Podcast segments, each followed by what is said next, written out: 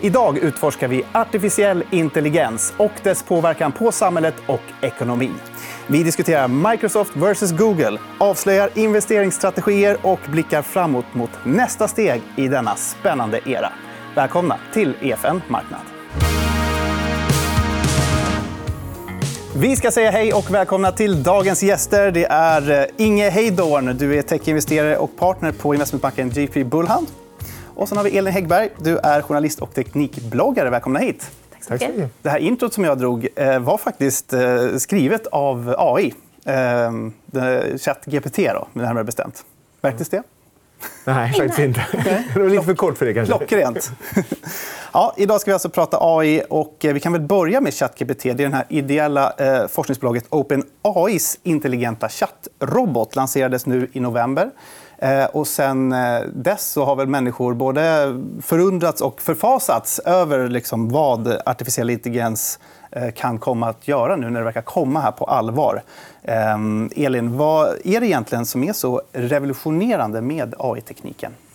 Ja, men AI har ju liksom funnits länge. Det är egentligen inget nytt om man tänker som teknik. Det har ju liksom legat och puttrat under lång tid. Och så går det lite upp och ner. Så det kommer eh, de här AI-trenderna och sen så blir det nåt annat som blir lite mer aktuellt. Och det, som, det som hände nu med de här tjänsterna som kom det var ju att dels att det blev den här lite mänskligare aspekten. Att någonting som annars brukar vara väldigt mycket eh, tekniknörderi eller sånt som är väldigt osynligt. Om man tänker bildigenkänning i mobilen och såna saker. Det, det är inte sånt som man tänker på som AI. Utan om vi ska tänka på det som AI, då måste det vara nåt magiskt med det. Mm. Och när de här liksom, eh, language-modellerna kom, de pratar liksom på ett sätt som känns väldigt mänskligt. De eh, kan göra saker som man kanske tidigare sagt ja, men AI de kan inte vara kreativa, de kan inte skapa. Det är det som är liksom grejen för oss människor. AI ska göra nåt annat. Och sen så kom AI och gjorde alla de här sakerna. Och det både blir liksom den här wow-faktorn, det här lite magiska men också något väldigt konkret som människor faktiskt kan börja använda i sin vardag. Och då blir ju det här, då blir det ett nytt steg där människor börjar se en ny potential och framförallt alla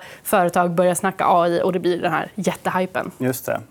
Eh, och Inge, ni i er fond ni har ju tittat på AI och eh, framförallt snabba chip i tio års tid. Eller något mm. sånt där. Eh, så för er är ju AI då kanske inte enbart då den här uppmärksammade språkmodellen mm. som vi pratar om här. Utan även om det är kanske den då som har fått mest uppmärksamhet. Absolut. Och den är ju så att säga, som du säger, det är en stor språkmodell som egentligen blir alltså, fast i en tidpunkt. En träningsmodell egentligen. Och, eh, sen har vi de modellerna som används i, säga, i arbetet. Det är de modellerna som vi mycket tittar på, inte träningsmodellerna.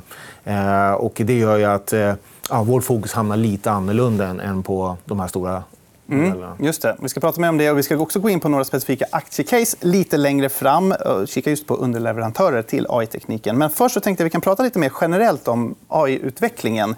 Eh, för vad har egentligen AI för potential att förändra samhället och ekonomin i grunden? skulle ni säga?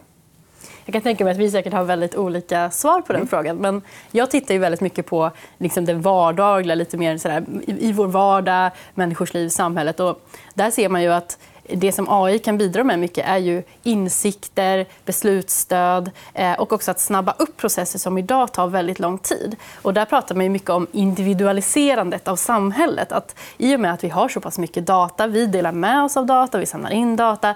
Eh, och om man använder AI för att analysera och hitta mönster i den här datan så kan man också eh, få lära sig saker som man annars kanske inte skulle fått reda på. Mm. Och det, idag läggs ju väldigt mycket tid på till exempel att ta beslut om olika saker. Om vi tittar på liksom i, i välfärden, till exempel. Ställa diagnoser inom vården, eh, bestämma olika saker. Och kan man då eh, koppla på AI på data så kan man ju då få liksom, beslutsunderlag som bygger på, bygger på den data som finns. Man kan liksom lära sig trender och se framåt. Vad kommer komma? Och mycket tittar man på hållbarhet också när det gäller hållbarhetslösningar. Att, att för att effektivisera samhället, för att använda resurser bättre och att eh, använda elektricitet bättre och alla de här sakerna mm. så ser man att ja, men där kan AI komma in och göra sånt som skulle ta jättelång tid för människor att göra själva men som går väldigt snabbt och enkelt för AI. Processa stora mängder data. Och sådär. Mm. Vad säger du, Inge? jag håller med till fullt. Eh, och, men jag skulle nästan bryta isär för det där finns redan. Om man tar Snowflake, alltså de här data lakes och allting sånt, så blir AI på det, så att säga. Så att, eh, för mig, jag tittar mycket mer på företagssidan och tajmingen är ju perfekt med inflation och allt det här. Och du behöver då bli effektivare i din rörelse. Och, ja, AI kommer ju ersätta massor med handjobb som gjorts av människor tidigare. Mm. Så att det, är en perfekt timing på det sättet också att komma ut med den här eh, ja, AI-hypen just nu. Mm. Hörrni, när vi var i Åre nyligen så passade vi på att fråga hotellmagnaten Petter Stordalen vad hans tankar om AI är. Ska vi titta på det? Mm. Ett fantastiskt verktyg. Alltså, det är begränsat jag kan om det. För mig är det bara varje gång jag hör om det. Det är chat, uh, GPT. Varje gång jag hör om vad de gör med det potential i dette, på effektivitet, på at det der kan gjøre alle de tingene vi syns er litt tråkig, kan skrive rapporter, kan sammenfatte ting, kan som gi deg et, et, grunnlag å jobbe med. Jeg tror det kommer til å være en enorm produktivitetsøkning og gevinst ved dette. Og ikke minst kanskje ta bort masse kjedelig arbeid som den maskinen kan gjøre istedenfor oss. Så for meg er det sånn. Vi må selvfølgelig liksom ha en viss kontroll på dette, men mulighetene endeløse. Mm. Stor potential, tror Stordalen. Men det har ju också funnits en del oro kring AI. Ska den ta våra jobb? Eh, göra människan överflödig? Såna här stora frågor. Eh, är den oron befogad? Jag tror att tittar man i en filosofisk... Liksom, det blir mycket där när, går, när tekniken går över i filosofin och vi kommer till de här djupa frågorna. Vad, hur vill vi att vårt samhälle ska se ut? Hur vill vi leva som människor? Och där tror jag att det, det, finns ju alltid potential att teknik kan ta oss åt ett håll eller åt ett annat håll. Tekniken i sig är ju liksom neutral. Utan det, frågan är ju vad vi människor väljer att göra med den. Och där kan man väl också, om man tittar bakåt då på hur har vi gjort hittills med den teknikutvecklingen vi har haft så kan man ju absolut tänka ja, men, eh, vill vi fortsätta på det spåret eller vill vi, tänker vi oss någonting annat? Mm. Eh, till exempel så har vi ju redan effektiviserat jättemycket med hjälp av digitalisering och teknik. Men samtidigt så jobbar vi fortfarande eh, liksom de här 40-45 timmars eh, veckorna, eh, åtta timmar om dagen till exempel. Så vi har inte fått den där stora liksom, frihet eh, och liksom, eh, att vi ska kunna ägna oss mer åt våra fritidsintressen och sånt som man pratat om länge. Liksom. Och då är frågan, men, hur blir det då framåt nu med AI om AI kan ta över ännu fler jobb? Vad, vad ska vi göra då med den här produktiviteten, effektiviseringen och eh, hur vill vi leva som människor? Och det, ja, så det man, man, jag tycker inte man behöver vara orolig, men jag tycker att man behöver vara vaksam. Mm. Och jag tycker att man ska liksom tänka, tänka, vi behöver tänka lite före liksom vilket håll vill vi ta oss med det här. Ja. Det har ju pratats mycket om regleringar och även branschen själva, kanske inte minst eh, amerikanska techbolag, eh, har ju liksom nästan bett om dem eh, från politiker. Eh, G7-länderna har ju samlats och sagt att de vill sätta gränser för AI när det kommer till upphovsrätt, när det kommer till desinformation, transparens och sånt där. Eh, är AI-tekniken lite i vilda västern nu, skulle du säga, Inge? Jag skulle inte säga att det är vilda västern, men det, alltså, modellen i sig är ju dum. Alltså, vi, det, den blir inte så smart än hur vi laddar upp den. Eh, om du tar ChatGPT, bygger 80 på ungefär på webben, Wikipedia och, och böcker. Och det är en stor artikel i New York Times eh, i helgen till exempel om en advokat som har använt ChatGPT för, för att försvara en klient. Och då har ChatGPT hittat på massor med case som inte finns. Ja, just det. För att det fanns på webben. Mm. Så den tar ju den fakta som finns. Och källkritiken måste ju absolut finnas där. För att den här tar ju bara det som finns ja. Eh, och lägger till det som, som att det är det som är sanningen. Men det måste ju kontrolleras. Så... Ja, krävs det regleringar, tycker du? Absolut. Och sen är det också, när vi går till de här stora modellerna, vilken dag gjordes modellen? Vilken dag tränades den här? Den senaste ChatGPT tränades väl i oktober. Så all data framför det finns ju inte. Mm. Det kan ju hända rätt mycket från oktober till nu. Eh, av det som har synts så har ju den stora AI-kapplöpningen, åtminstone den som då vänder sig till en slutprodukt eh, direkt till användaren det har handlat om racet mellan Microsoft och eh, Google vars ägarbolag är Alphabet. Och I november så släpptes som sagt ChatGPT, ett bolag som Microsoft äger en stor andel av aktierna i. Runt 50 Ja, OpenAI. OpenAI, precis. Mm. Och det fick i sin tur Google att snabbt snabba på sin utveckling. Så I februari så lanserade de sitt svar i form av Bard. Den presentation som för övrigt eh, kantades av en del eh, missöden. Elin, hur ser du på den här AI-kapplöpningen mellan just de här två jättarna? Ja, men det som man har pratat mycket om är att Microsoft har ju länge liksom kämpat med att bli lite coolare och hippare i teknikkretsar. De har ju varit den här liksom gammel, lite gammeldagsa, stabila. Liksom. Bing versus Google. Liksom. Ja, och, och, precis. Ingen vill använda Bing, alla vill använda Google. Och, och, och Google har varit de här liksom, som alltid har legat i framkant och kommit med nya grejer. Eh, men de börjar också liksom, ja, eh, de behöver kämpa mer och mer också för att hålla sig aktuella såklart. Liksom. Eh, men det som hände då är att Microsoft kunde ju verkligen satsa här. För att jag menar, men om man tänker då som Bing, där de byggde in ChatGPT, då, eh, Bing var det ändå typ ingen som använde. Alltså den, den, de hade inget att förlora på att försöka skapa lite PR och hype kring sin, kring sin tjänst och visa liksom att vi är framåt och vi är modiga. Och, då, och ta smällan också såklart när det kom liksom backlash mot det. Medan Google de har ju mer att förlora. Eh, och de sitter ju på liksom den positionen de gör när det kommer till just sök. Eh, och då förstår man också att man behöver kanske vara lite mer ansvarsfull, ta det lite försiktigt. För de har, ja, de har ju mer att förlora på det. att det går fel helt mm. enkelt. Samtidigt är de, de har ju varit pionjärer inom AI länge och de har ju haft, byggt massa AI-tjänster. De har ju liksom forskat på det som är inbyggt i eh, GPT-tekniken och så vidare. Så att det är inte som att de inte kan AI. Men eh, de, var väl inte, de kände sig väl inte helt redo här och nu har de liksom skyndat sig lite grann och försöka slänga fram att men vi har också massa AI på gång och det kommer för att nu är det det folket vill ha. kan man säga. Ja, just det. Eh, vi kan titta på en kursgraf för Microsoft här. Um, vad säger du om den, Inge? Vi äger ju Microsoft. Och gillar ju Microsoft. Och det första lyftet här är ju, det var ju framför allt eh, ja, runt det här och eh, släppet av ChatGPT. Eh, och sen har du del 2-lyftet beror ju mer på uh, Azure. Att de är ju de enda som lämnar en guidance för sin cloudrörelse. Mm. Eh, medan Google och Amazon avstod. Och Amazon var ju rätt, ja, rätt svag guidance också. Så att det ser ut som Microsoft har fått lite momentum i övriga business också på grund av det här man har gjort med OpenAI. Då. Ja. Så att, eh, så att, ja, vi gillar ju Microsoft och tycker att det här ser väldigt intressant ut. Mm. Eh, vi kan ju ta och titta på en kursgraf över Alphabet också. Eh, hur det ser ut där. Det är också upp där på slutet. Vad, vad tänker du, Inge?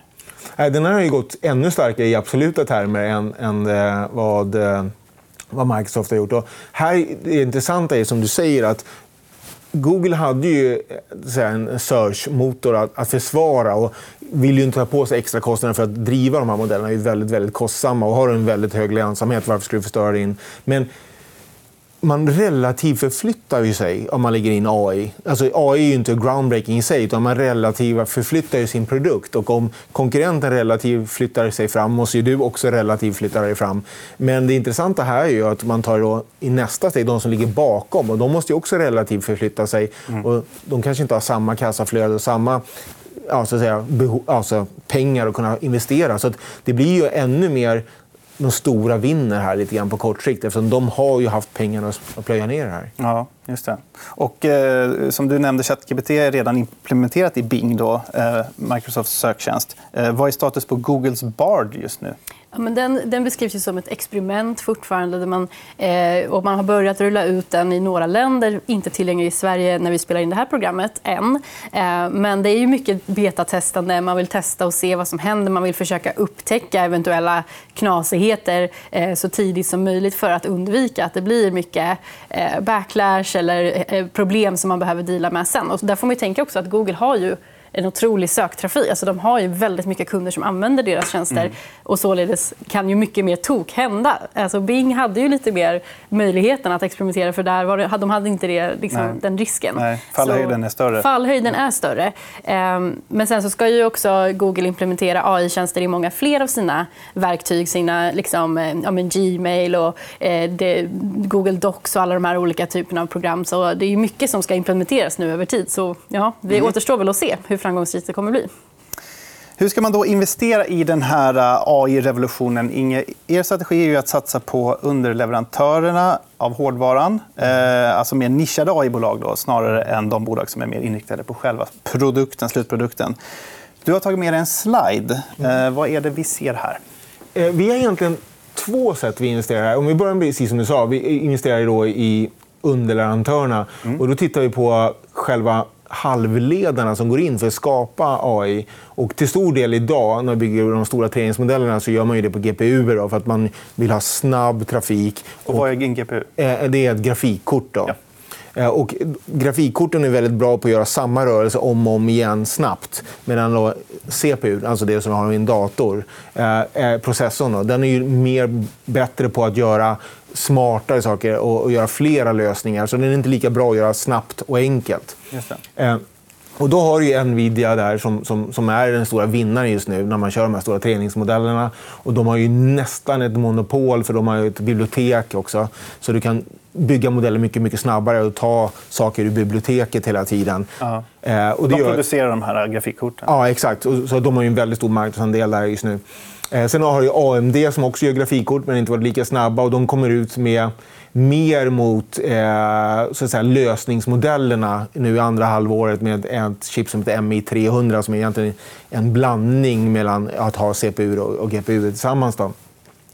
Och sen alla de här chippen, även då eh, TensorFlow eh, och eh, Googles egna chip, görs i en enda producent i världen och det är TSMC.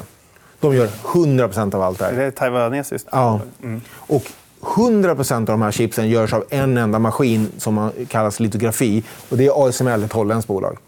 100 så att det här är monopolställningar. Och sånt gillar ju vi. Eh, och så är inte värderingen alltför ansträngd heller.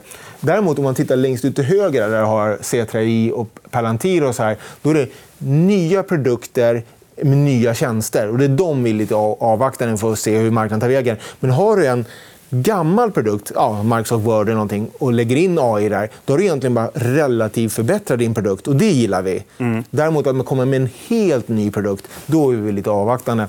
Och tar vi allra längst ut till höger där, tar vi Nvidia nu och pratar med dem, så har de ungefär 25 000 nya bolag som satsar på att bygga nya AI-tjänster. Och vem av de här kommer vinna? Vi har ingen aning. Nej. Däremot vet vi att alla kommer använda Nvidia. Mm. Så det är lite så tanken går. Ja.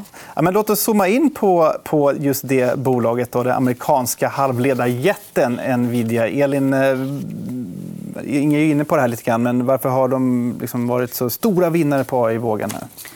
Ja, men Nvidia eh, är ju ett ganska unikt bolag på många sätt som har varit väldigt liksom, sanna sin kärna på ett, och de har haft samma, ägare, eller samma vd som har drivit det här bolaget i, i alla år. Eh, de, även fast de har varit så länge och varit stora så har de ändå också haft den här startup-känslan kvar i bolaget där de testar nya saker, tar snabba beslut och är på tå hela tiden. Och det är ju viktigt för att hänga med i såna här utvecklingar. Ehm, och eh, de har ju varit stora inom gaming väldigt länge med, sina grafikkort.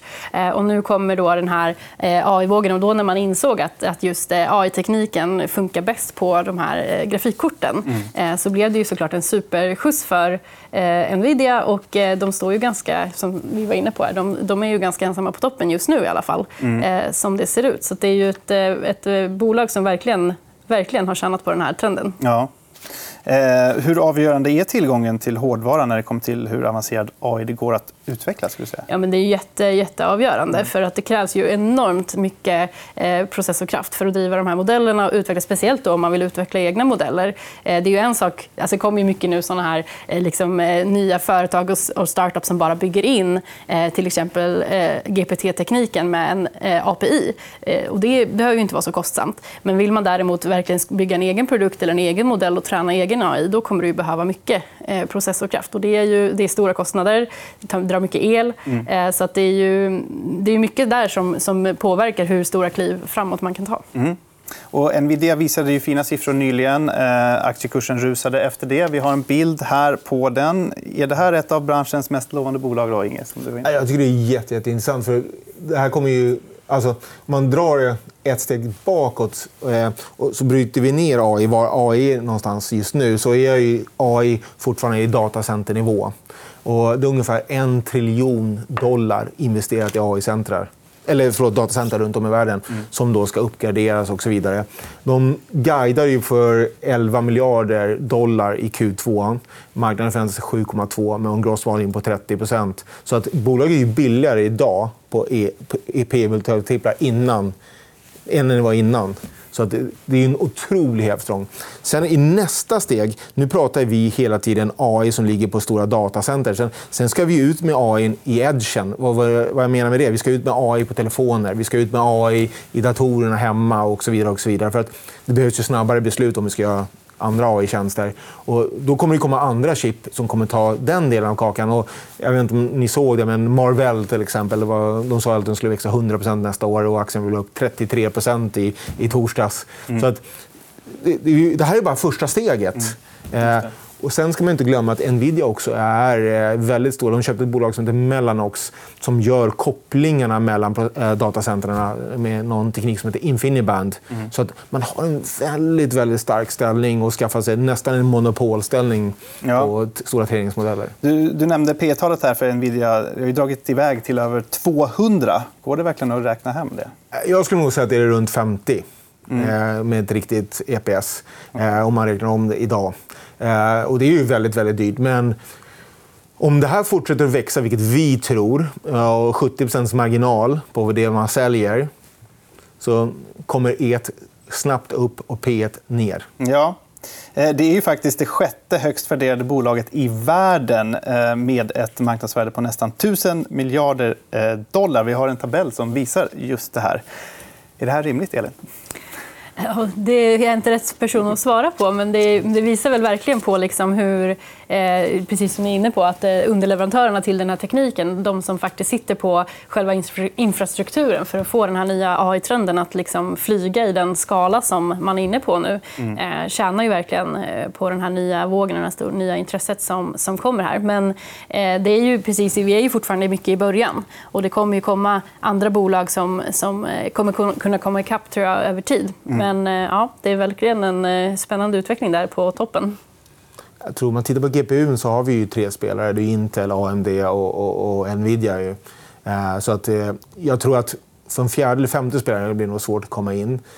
Så det blir nog en, en oligopolsmarknad med tre spelare. Och TSMC så har ju egentligen en konkurrent, Samsung, som inte har hunnit fatt. Och på litografin tror jag nog inte vi kommer lyckas se någonting de närmaste 10-15 åren. Så att det här är ju lite grann i teknik. Winner takes it all. Det gäller att ha rätt teknik i rätt tidpunkt och mm. ha utvecklat över lång tid. Mm. Om man tittar lite bortom de specifika AI-bolag, finns det branscher eller andra företag som kan gynnas ordentligt av AI-utvecklingen? Att den går så fort nu? Till exempel kanske bolag som jobbar med mycket stora mängder data. och så där. Ja och nej. För att det om du har haft ett, en, en, en tjänst där du erbjuder strukturering av data så har ju du blivit relativt svagare egentligen. För nu kan man ju strukturera data med AI också. Eh, men å andra sidan så kanske du, om du implementerar AI och tar ytterligare ett steg och springer vidare så kanske du kan förbättra din position. Men AI kommer ju komma överallt. Ta Telia till exempel, som alla vet om. Eh, om du går till deras hemsida och ska prata med Telia idag och klaga på någonting så pratar du med en chatbot. Det är AI.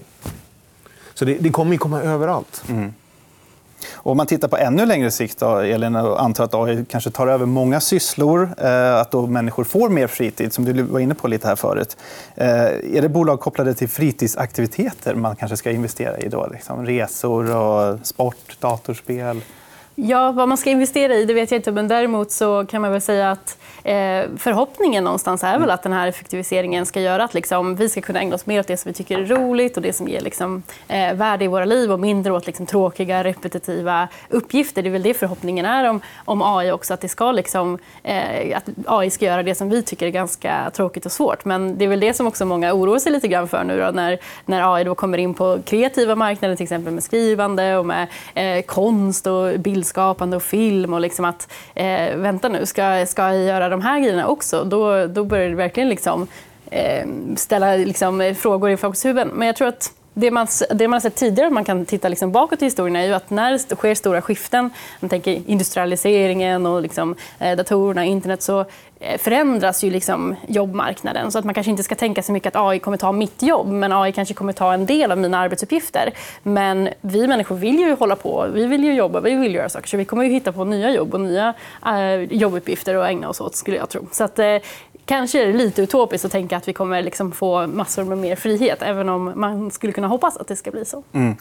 Och andra sektorer. Jag tänker bara att vad, vad är AI? Det är ju massor med processer. Vad behövs då? Ström. Så att det, alla som tillverkar ström och ser till... Ja, vi vet ju vilka problem vi har haft med energipriserna. Mm.